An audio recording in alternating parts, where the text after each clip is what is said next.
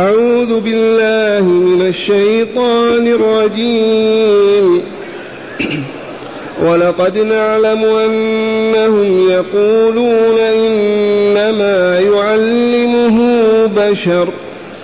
لسان الذي يلحدون إليه أعجمي وهذا لسان عربي مبين.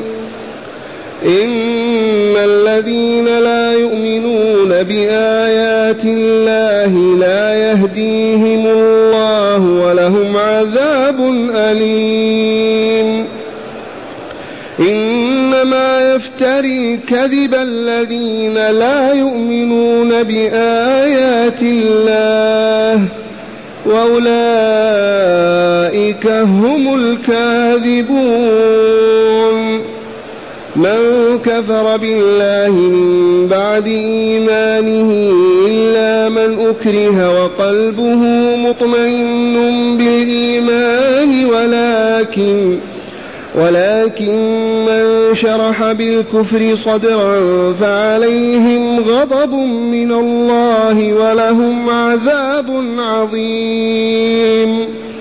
ذلك بأنه مستحب الحياة الدنيا على الآخرة وأن الله لا يهدي القوم الكافرين. أولئك الذين طبع الله على قلوبهم وسمعهم وأبصارهم. وأولئك هم الغافلون.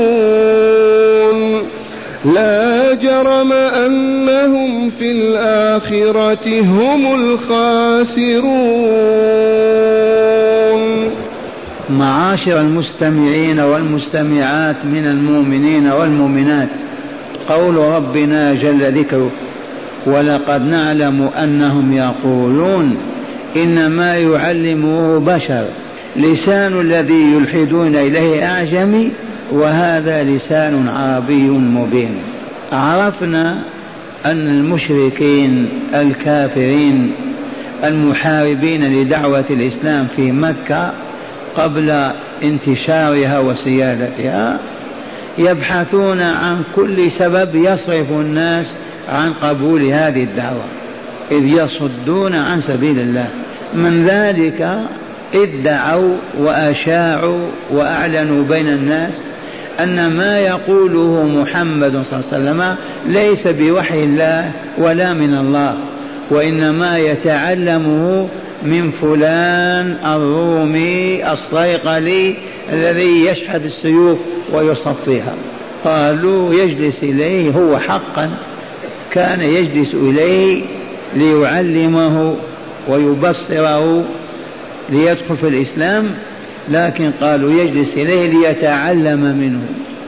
فأبطل الله هذه الفرية أسقط هذه الدعوة بالفرق بين إنسان رومي أعجمي وبين القرآن الذي بلسان عربي مبين. فأسكتهم فلا يقبل منه كلام.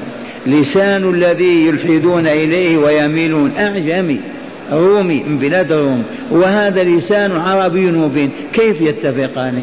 فأبطل هذه الفرية واجتثها من أصولها. ثم قال تعالى إن الذين لا يؤمنون بآيات الله لا يهديهم الله ولهم عذاب أليم. حقيقة هذه ثابتة ثبوت الشمس فوقنا والأرض التي تحتنا. الذين لا يؤمنون بالقرآن بما في القرآن بآيات القرآن لا يهديهم الله ولهم عذاب أليم. والله العظيم. هذا خبر وهو يحمل الوعد الصادق الصحيح.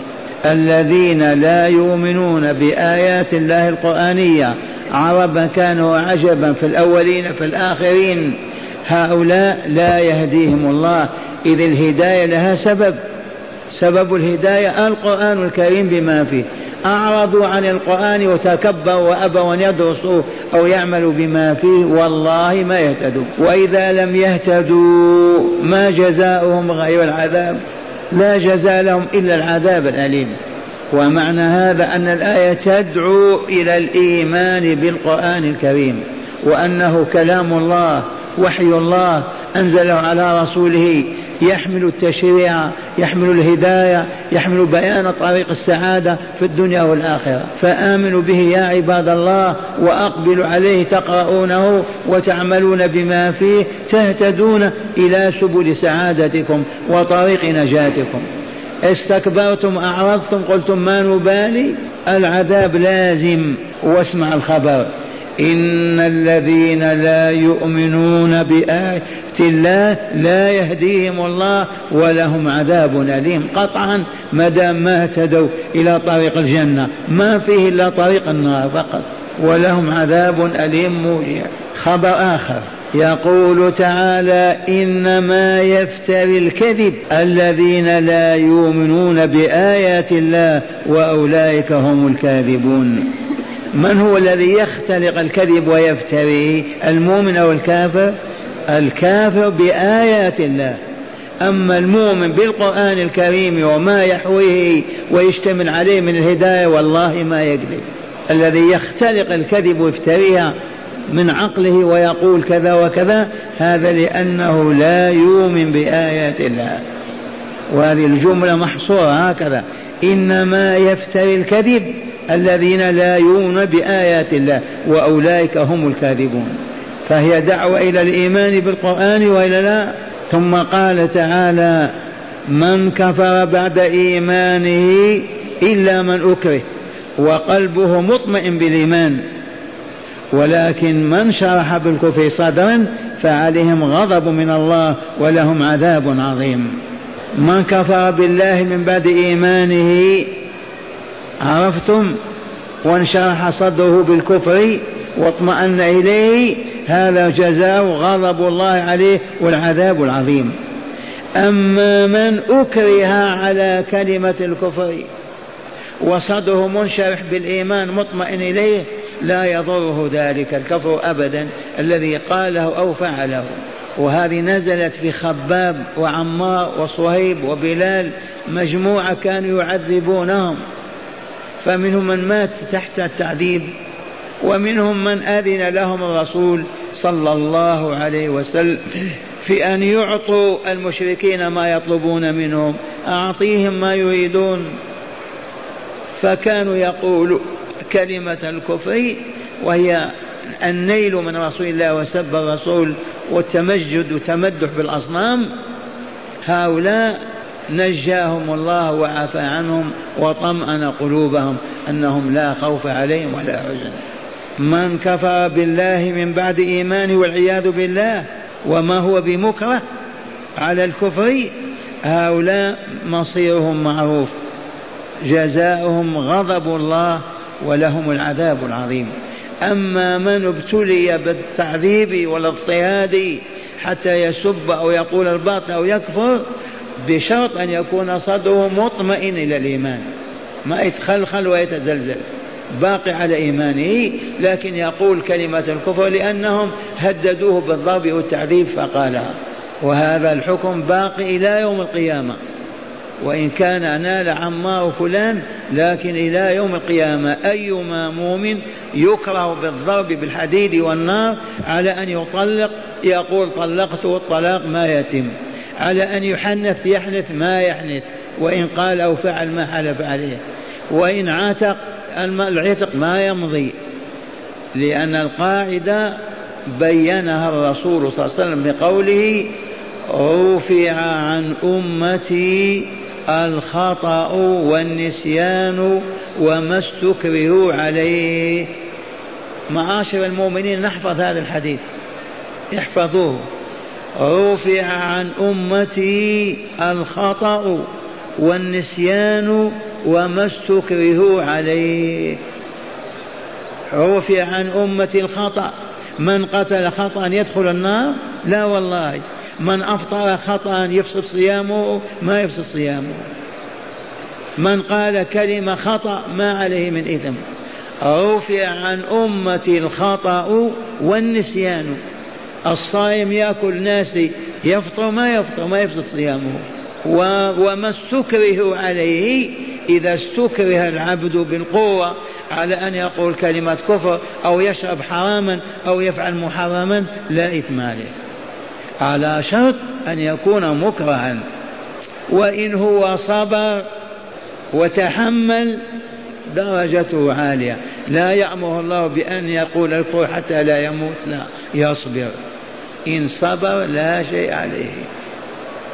واستثنى أهل العلم كما قلت بالأمس القتل. إذا قال لك الكافر اقتل هذا المؤمن ما تقتله. اقتل أو نقتلك قل اقتلني. افدي هذا المؤمن بنفسك. لأن واحد ميت لا بد. إذا كن أنت المقتول ولا تكون القاتل. هذه المسألة خاصة في القتل. إذا ألزمت بأن تقتل مسلما ارضى بأن تقتل ولا تقتل. أما قضية الضرب والسجن لا قيمة لها في القتل. لأن تقتل أنت خير لك من أن تقتل مؤمنا. ما عدا ذلك من سائر الذنوب وكبائرها تفعلها ونفسك مطمئنة بحكم الله ورضاه وتنجو من العذاب ولا حرج. بالأمس ذكرنا أن عبد الله بن حذيفة السهمي ابن حذافة السهمي كان مع مجموعة في بلاد الروم أسروا كانوا في الجهاد أسروا. وأخذ ملك الروم يعذب عبد الله بن حذيفة بن حذافة نال منه ما نال وهو صابر يتحمل. ثم قال له أقبل رأسك وتطلق معي هؤلاء الأسرى. فقال قبل. فقام فقبل رأسه فأطلقه والأسرى معه. فلما جاءوا إلى المدينة النبوية على عهد خلافة عمر وكأن بعض الناس يعني ما استساقوا كيف يقبل رأس كافر. فقام عمر فقبل رأسه رضي الله عنه. والشاهد عندنا أن المؤمن المكره على فعل شيء يجوز له فعله ولا يأثم عليه ولا يواخذ به. إن كان مكرها بالحديد والنار. دل على هذا هذه الآية الكريمة من كفر بالله من بعد إيمانه جوابه ما زال ما هو فعليهم غضب من الله ولهم عذاب عظيم. وبين هذا الاستثناء والمستثنى قال تعالى إلا من أكره وقلبه مطمئن بالإيمان. ولكن العقوبة على من انشرح صدره بالكفر وفرح به وقاله. ثم قال تعالى ذلك بأنهم ذلك العذاب العظيم الذي توعدهم الرب تعالى به هؤلاء الكفر بآيات الله المكذبون بها هؤلاء ذلك بأنهم استحبوا الحياة الدنيا على الآخرة. الذين يرتدون والعياذ بالله ارتد جماعات من المسلمين أفراد. ما يطيقون كذا العذاب والاضطهاد يدخلون في الكفر ويشركون بالله. هؤلاء يقول تعالى فيهم ذلك بأنهم استحبوا الحياة الدنيا على الآخرة. لو استحبوا الآخرة يرضون بأن يموتوا كلهم يعذبون طول العام ولا يرتدون ولا يخرجون عن دين الله أبدا. يعطون الكلمة ولكن ما يخرجون عن إيمانهم وعقيدتهم. لكن استحبوا الحياة الدنيا قالوا إلى متى ونحن في الاضطهاد كذا نكون مع الكافرين. هؤلاء يقول تعالى فيهم ذلك بأنهم استحبوا الحياة الدنيا على الآخرة وأن الله لا يهدي القوم الكافرين. فهم كافرون فلهذا ما هداهم الله ولا يهديهم. يكفي أنهم آثروا الدنيا عن الآخرة. استحبوا الحياة الدنيا وأقبلوا عليها وأعرضوا عن الآخرة وأدبروا عنها فلا يلتفتون إليها. لا بإقام الصلاة ولا بإيتاء الزكاة. مثلا نبرأ إلى الله نعوذ بالله من أن نستحب الحياة الدنيا على الآخرة. هيا بنا نستحب الآخرة على الدنيا. نجعل حبنا رغبتنا همنا كله منصب على الدار الآخرة لنكمل ونسعد فيها. لا في الدنيا هذه الفانية الزائلة الراحلة علينا. ويدل لذلك أن تعطي أكثر وقتك للآخرة أكثر همك للآخرة أكثر أعمالك للآخرة. يدل هذا على إيثارك الآخرة على الدنيا. أما من أقبل على الدنيا ليل نهار لا هم له إلا هي من أجلها يعمل من أجلها يقوم ويقعد هذا استحبها. ودخل حبها في قلبه وأصبح يعمل لها همه طول الليل والنهار على الدنيا. نبرأ إلى الله من هذه الصفة وندعو الله أن ينجي كل مؤمن ومؤمنة من أن يكون مستحبا للحياة الدنيا على الآخرة. وهذا كلام الرب تبارك وتعالى ذلك أي العذاب الأليم بأنهم استحبوا الحياة الدنيا فلهذا ارتدوا عن إيمانهم وكفروا. وأن الله لا يهدي القوم الكافرين فلهذا ما يهديهم؟ دخلوا في الإسلام وخرجوا عنه وأدبروا عنه وأقبلوا على الكفر يهديهم الله. ما هم أهل الهداية؟ والله لا يهدي وأن الله لا يهدي القوم الكافرين. ثم قال تعالى أولئك الذين سمعتم عنهم الذين طبع الله على قلوبهم فهم لا يفهمون. وسمعهم فهم لا يسمعون النداء ولا يعرفون الحق وأبصار فهم لا يرون آية في الكون أبدا وأولئك هم الغافلون الذين لا يعرفون الطريق إلى الله ولا يذكرون الجنة ولا النار ولا المصير. أولئك الذين طبع الله على قلوبهم ختم عليها فهم لا يعلمون شيئا وعلى سمعهم فهم لا يسمعون نداء الحق. ناديهم أن يا عباد الله ما يسمعون. وأبصارهم لا يرون آية من آيات الله في الكون كأنهم لا يشاهدون شيء عميان. وأولئك هم الغافلون عن الدار الآخرة وهي دار الخلد والبقاء والدوام الدائم الأبدي. أنا غافلون. ثم قال تعالى لا جرم. حقا حقا أنهم في الآخرة هم الخاسرون. هذا الختم الأخير. لا جرم أي حقا حقا أنهم في الآخرة هم الخاسرون. لا الذين استحبوا الآخرة عن الدنيا. ولكن الذين استحبوا الدنيا على الآخرة وأقبلوا عليها وأفرغوا طاقاتهم لها وأعرضوا عن الآخرة حقا والله لا جرم أنهم في الآخرة هم الخاسرون. أما غيرهم فهم مفلحون فائزون. معاشر المستمعين نسمع تلاوة قراءة هذه الآيات من الكتاب لنزداد علما بما علمنا إن شاء الله. ما زال السياق الكريم في الرد على المشركين.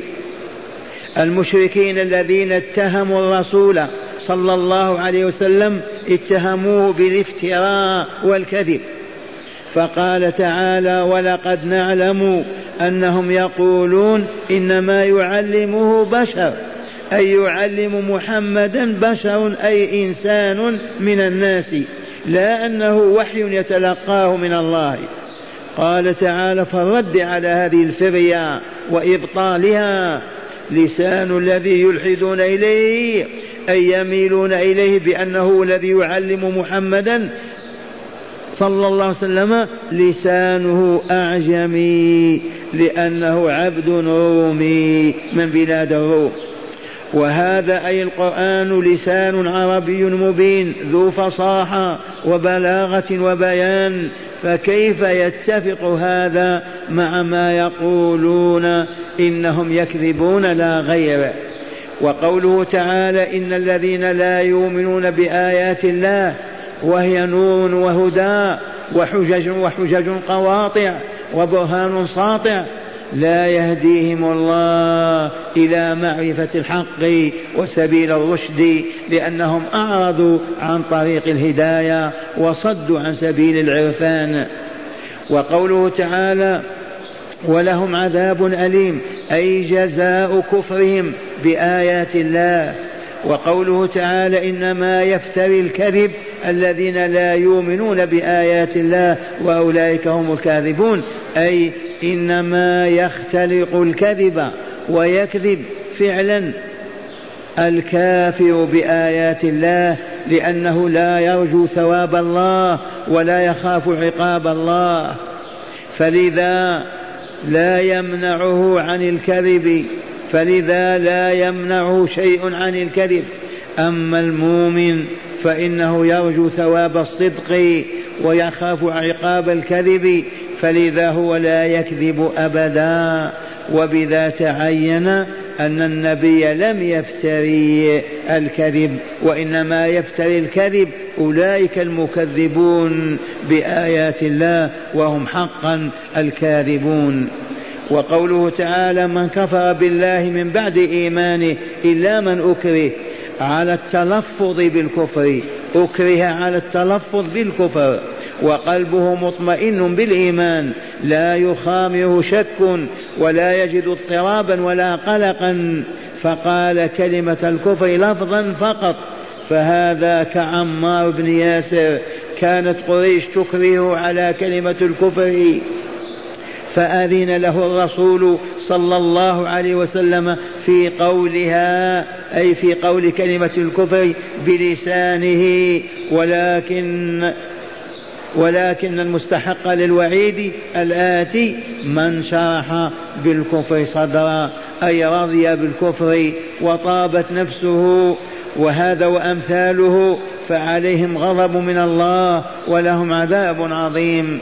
أي باءوا أي رجعوا بغضب الله وسخطه ولهم في الآخرة عذاب عظيم.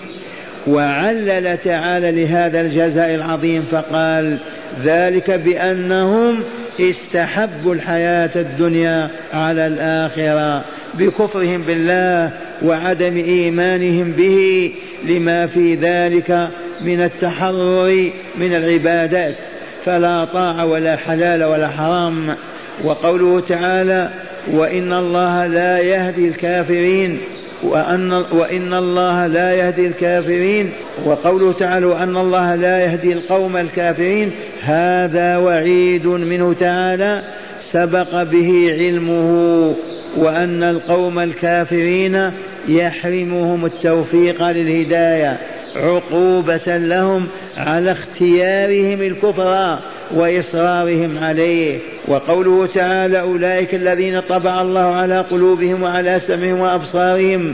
أولئك الذين توعدهم الله بعدم هدايتهم. هم الذين طبع على قلوبهم فهم لا يفهمون. وسمعهم فهم لا يسمعون.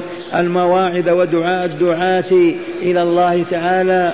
وأبصارهم فهم لا يبصرون آيات الله وحججه وحججه في الكون وما حصل لهم من هذه الحال سببه الإعراض المتعمد وإيثار الحياة الدنيا والعناد والمكابرة والوقوف في وجه دعوة الحق والصد عنها وقوله وأولئك هم الغافلون أي عما خلقوا له ومن أجله وجدوا وهما وعما يراد لهم من نكال في الآخرة وعذاب أليم.